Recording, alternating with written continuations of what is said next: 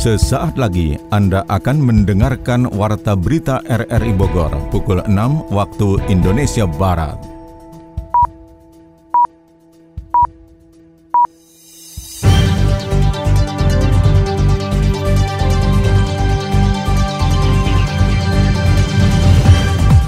Selamat pagi. Saudara, Warta Berita edisi akhir pekan, Minggu 31 Januari 2021, kami isi dengan rangkuman berita sepekan. Siaran ini juga dapat Anda dengarkan melalui audio streaming RRI Play dan dapat didengarkan kembali melalui podcast kami di Spotify, Anchor, Podtail, dan Google Podcast. Warta berita RRI Bogor ini juga turut disiarkan Radio Tegar Beriman Kabupaten Bogor. Bersama saya Mukhlis Abdillah, inilah rangkuman berita sepekan selengkapnya. Saudara, proses penyuntikan vaksin COVID-19 dari Sinovac asal Cina masih terus berlangsung di kota dan Kabupaten Bogor. Pertengahan pekan ini, vaksinasi tersebut di Kota Bogor memasuki tahap kedua, sementara di Kabupaten Bogor baru tahap pertama. Untuk kota Bogor, penyuntikan dilakukan kepada lebih dari 4.000 tenaga kesehatan atau nakes dari total 9.500 lebih nakes. Sedangkan untuk Kabupaten Bogor, distribusi vaksin pada tahap pertama mencapai 25.600 dosis. Humas Bio Farma Bambang Herianto menyebutkan sudah sekitar 1,2 juta dosis vaksin didistribusikan ke seluruh Indonesia. Vaksin tahap awal itu terdistribusi dengan prioritas tenaga medis yang melakukan penanganan pasien COVID-19.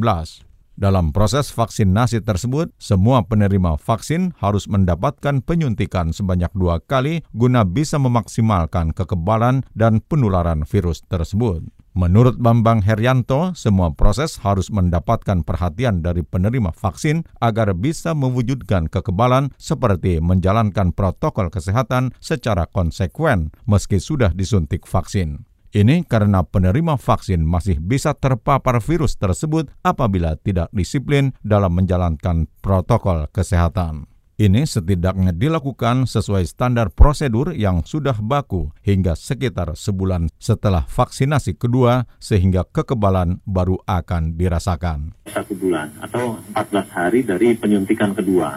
Nah kasus yang kemarin ada beberapa yang baru mendapatkan vaksinasi pertama itu bisa positif. Jadi memang belum muncul antibodinya gitu. Dan memang kalaupun mendapatkan dua kali sudah mendapatkan dua dosis itu bukan berarti kita sudah bebas atau kebal dari virus virus ini. Karena kan vaksinasi ini sebetulnya kan untuk mengurangi kalau kita terpapar sakitnya, kalau kita buat leveling sampai 5, misalnya, oh kita hanya menderita di, di level 1, level 2 gitu. Tidak terlalu berat. Vaksin Sinovac sudah mendapatkan izin edar dari Badan Pengawas Obat dan Makanan dan sertifikasi halal dari MUI Pusat sehingga masyarakat jangan ragu atas program vaksinasi untuk memutus mata rantai penyebaran COVID-19.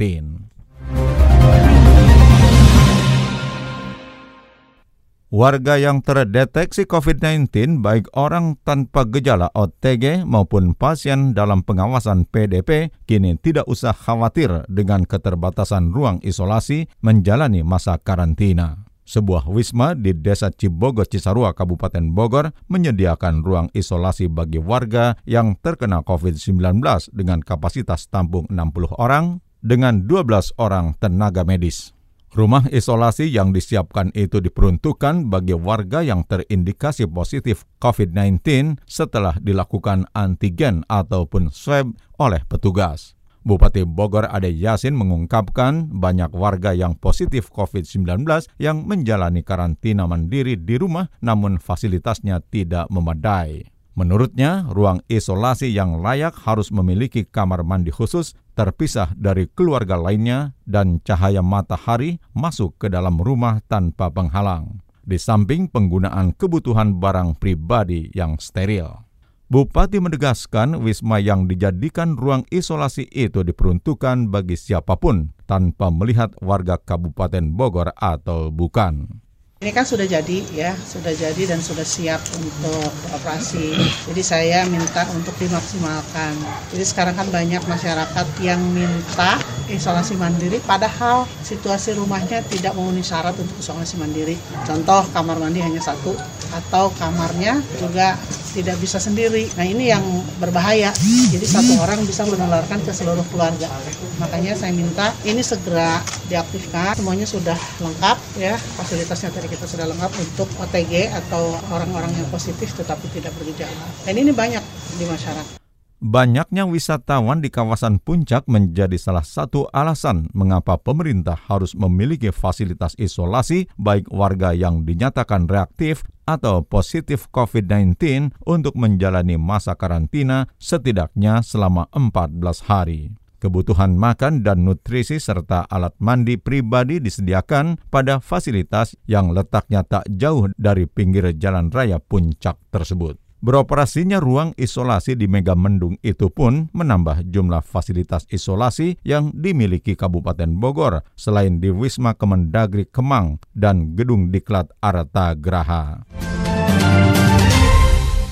Pemerintah Kota Bogor memastikan limbah medis pada rumah sakit lapangan COVID-19 dikelola dengan baik sehingga aman bagi masyarakat sekitar. Kepala Rumah Sakit Lapangan COVID-19 Kota Bogor, Yeti Heriati mengatakan pengelolaan limbah infeksius telah dikoordinasikan dengan Dinas Lingkungan Hidup dan Dinas Kesehatan setempat agar memastikan seluruh skema pengelolaan aman dan tidak berdampak pencemaran lingkungan di masyarakat. Semua limbah, baik medis maupun domestik, diangkut secara berkala dan ditempatkan di area khusus yang aman dari jangkauan masyarakat. Pihak kita sudah berkoordinasi dengan Dinas Lingkungan Hidup dan pihak yang dipakai oleh RSUD Kota Bogor sebagai transporter pengangkut limbah infeksius. Untuk limbah infeksius yang golongan kita bilang limbah B3 itu, beracun dan infeksius, kita bekerja sama dengan pihak transporter yang dari RSUD Kota Bogor. Jadi nanti akan dimasukkan dalam suatu suatu plastik tertentu dan dalam drop box khusus yang dikirim oleh Dinas Lingkungan akan diambil dua hari sekali oleh transporter yang sudah kerjasama dengan RSUD Kota Bogor. Kemudian untuk limbah domestik kita menggunakan plastik atau limbah khusus dan ditempatkan di area khusus. Dan limbah domestik ini akan diambil oleh lingkungan hidup sehari sekali. Pada sisi lain, pengelolaan MCK dan sanitasi juga menjadi hal penting yang harus diperhatikan. Yeti menambahkan pengelolaan MCK dilakukan dengan penyedotan secara berkala serta saluran air ditempatkan khusus dan diberikan cairan penghilang virus. Dari MCK untuk grey water kita sudah menggunakan safety tank dan akan ada skala berkala penyedotan. Sedangkan untuk yang grey water yang dari mandi ya sikat gigi pasien di wastafel itu sudah kita alirkan khusus ke resep tank khusus kita bikin sendiri yang sudah diberikan nanti uh, larutan klorin untuk membunuh virusnya. Jadi tidak ada lagi saluran air yang keluar ke selokan. Jadi kita pastikan kepada masyarakat bahwa sistem uh, drainase kita bagus dan sistem pembuangan kita limbah kita sudah ada SOP-nya. Pengelolaan limbah medis yang baik akan menekan dampak pencemaran bagi lingkungan sekitar. Masyarakat yang tinggal di sekitar kawasan rumah sakit lapangan di Gor Pajajaran Kota Bogor itu diminta tak khawatir sebab seluruh mekanisme pengelolaan limbah telah sesuai dengan SOP dari Dinas Kesehatan.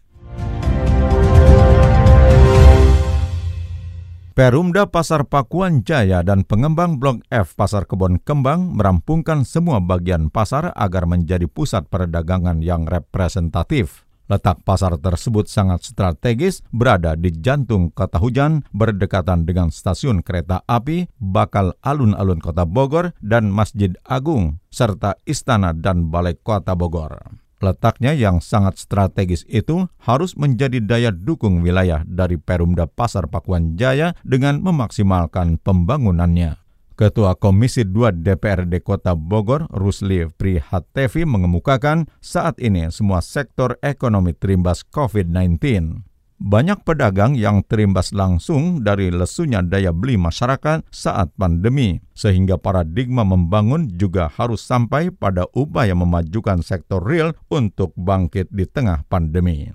Pembangunan pasar juga harus mengacu pada upaya pemerintah dalam meningkatkan infrastruktur berbasis kerakyatan guna menjadi penggerak roda ekonomi. Ini merupakan satu terobosan dan langkah daripada Pasar Pakuan Jaya bagaimana meningkatkan berkenaan dengan prestasi yang mana ingin merubah satu paradigma berkenaan dengan situasi yang ada di Kota Bogor. Langkah ini bagus, objektif, tapi kita juga harus memperhatikan keadaan dengan situasi wilayah, apalagi dengan situasi kondisi PKL yang hari ini, ya kita memaklumi lah dan apresiasi terhadap langkah-langkah yang dilakukan oleh PD Pasar Kota Bogor dalam mempersiapkan ini dalam situasi pandemi COVID-19 eh, konsisten dalam melakukan terobosan terutama salah satunya yang kita lihat adalah pasar Blok F yang hari ini bisa mewujudkan harapan dari keinginan berkenaan dengan situasi yang pasar yang sangat baik, bagus, dan terintegrasi. Sementara itu, Dirut Perumda Pasar Pakuan Jaya Muzakir menuturkan pembersihan PKL dan tempat penampungan sementara pedagang di kawasan Blok F agar terlihat rapi. Sementara salah satu solusi pembiayaan dilakukan dengan skema kredit perbankan agar pedagang bisa mendapatkan kios dengan mudah dan terjangkau. Dengan demikian, pemulihan ekonomi selaras dengan upaya pembangunan wilayah di pusat kota Bogor.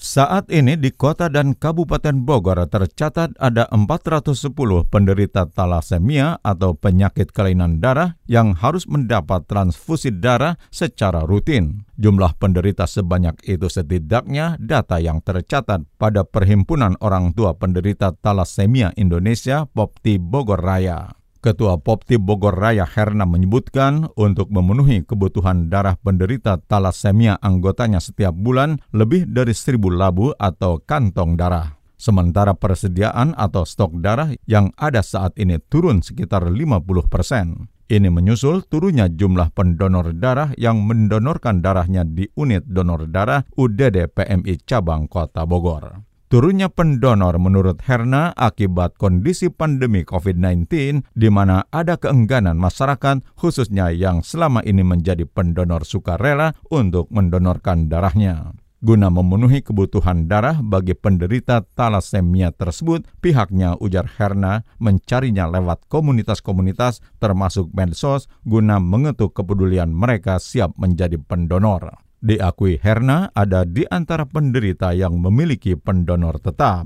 Tetapi banyak juga dari mereka yang membutuhkan pendonor umum yang biasa mendonorkan darahnya di UDD PMI Cabang Kota Bogor. Saya Kadisub Kota Bogor, Haji Eko Prabowo bersama RRI Radio Tanggap COVID-19. Saya berharap sesuai tugas pokok fungsi saya, berharap masyarakat bisa menaati aturan-aturan berdasarkan protokol COVID, apa yang boleh dan apa yang tidak boleh, apa yang harus dilakukan dan apa yang tidak harus dilakukan. Tetap tinggal di rumah, ulah ke mana-mana kalau nggak perlu. Keluar rumah harus pakai masker untuk kepedulian, sayang pada keluarga, sayang pada sesama. Anda tengah mendengarkan rangkuman berita sepekan dari RRI Bogor. Saudara, upaya menanggulangi COVID-19 dengan vaksinasi kami angkat lewat dokumenter bersama Adi Fajar Nugraha.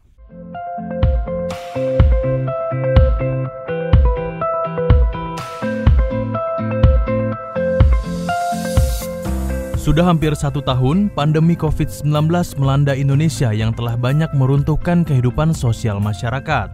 Bukan hanya Indonesia, namun dunia pun pada awalnya kewalahan untuk menangani pandemi COVID-19 ini.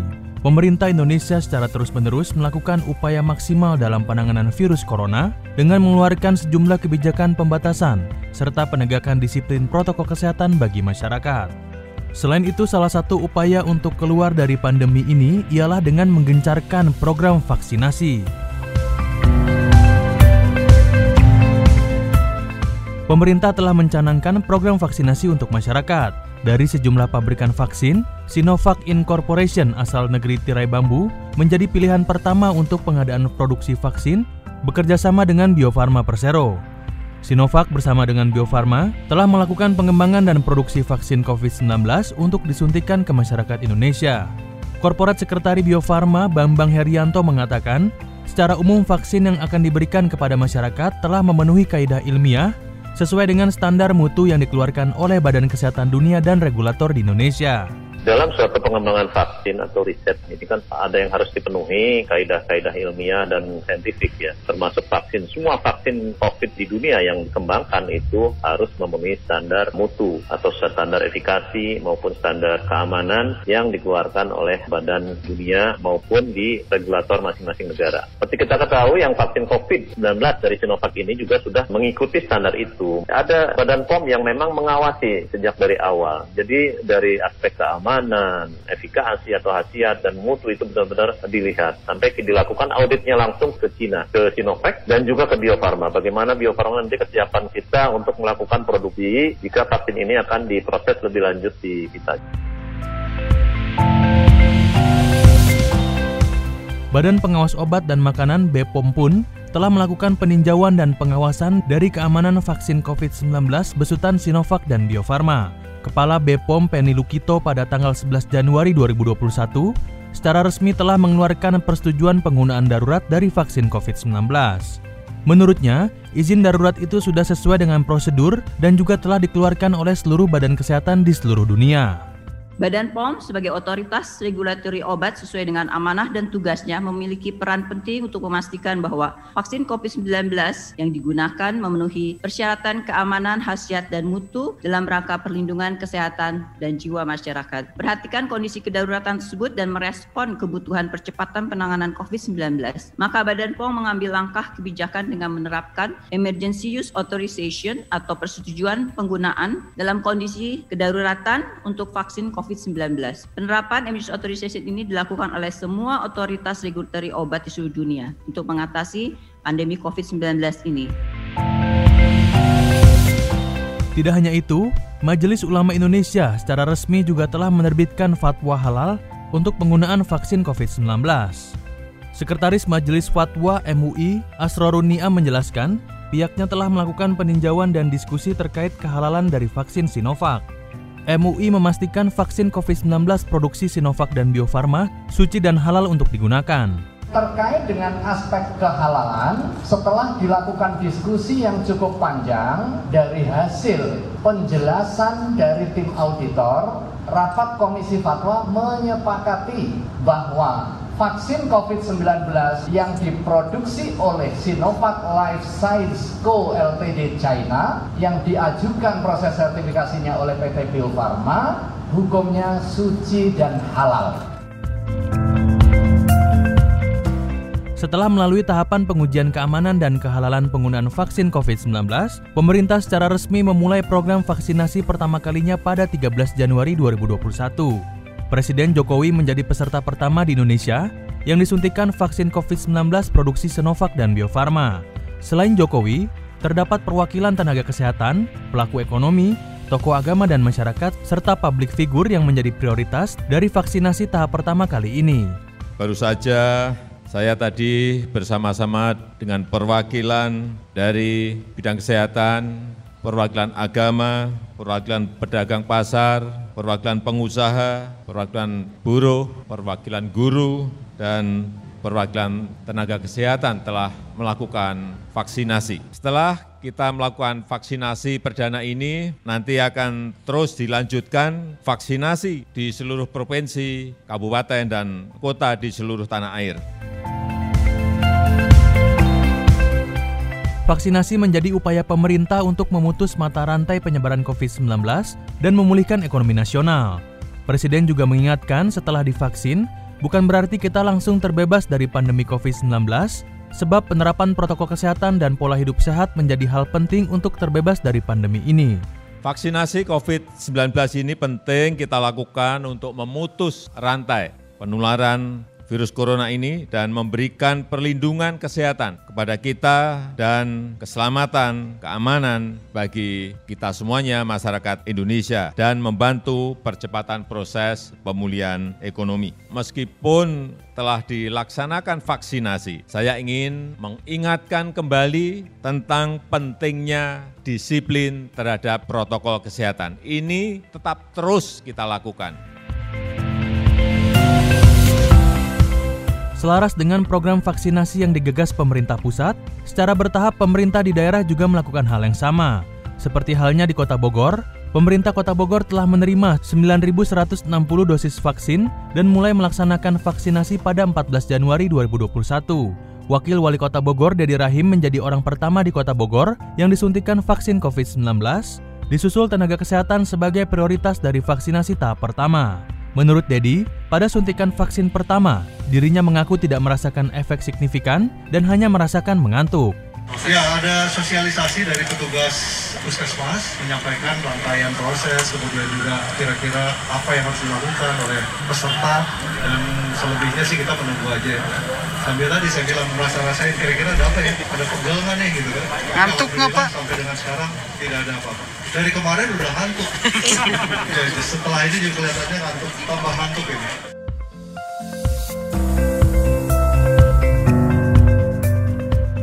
Sementara di Kabupaten Bogor, program vaksinasi pertama tidak dilakukan bersamaan dengan Kota Bogor. Jika Kota Bogor melaksanakan vaksinasi sejak 14 Januari 2021, Kabupaten Bogor baru melaksanakan vaksinasi pada 28 Januari 2021. Bupati Bogor Ade Yasin mengatakan, vaksinasi menjadi upaya pemerintah untuk menyelamatkan masyarakat dari pandemi COVID-19. Sebanyak 25.600 dosis vaksin akan diprioritaskan bagi para nakes dan influencer di Kabupaten Bogor. Ade Yasin bukan menjadi peserta penerima vaksin pertama karena merupakan penyintas, namun dirinya optimis vaksin menjadi jawaban dan harapan baru untuk keluar dari pandemi COVID-19.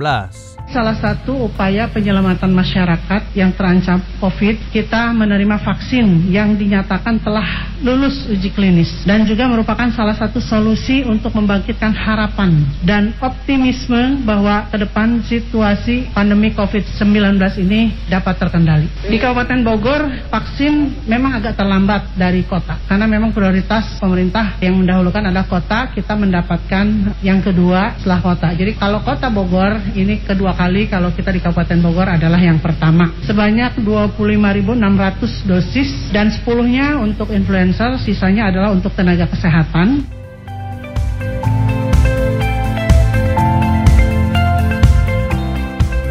Pemerintah meminta masyarakat agar yakin dan mendukung program vaksinasi demi memulihkan kehidupan masyarakat yang normal kembali. Program vaksinasi menjadi ikhtiar besar dari pemerintah dalam rangka menyelamatkan masyarakat dari wabah virus corona dan secara bertahap memulihkan kondisi perekonomian.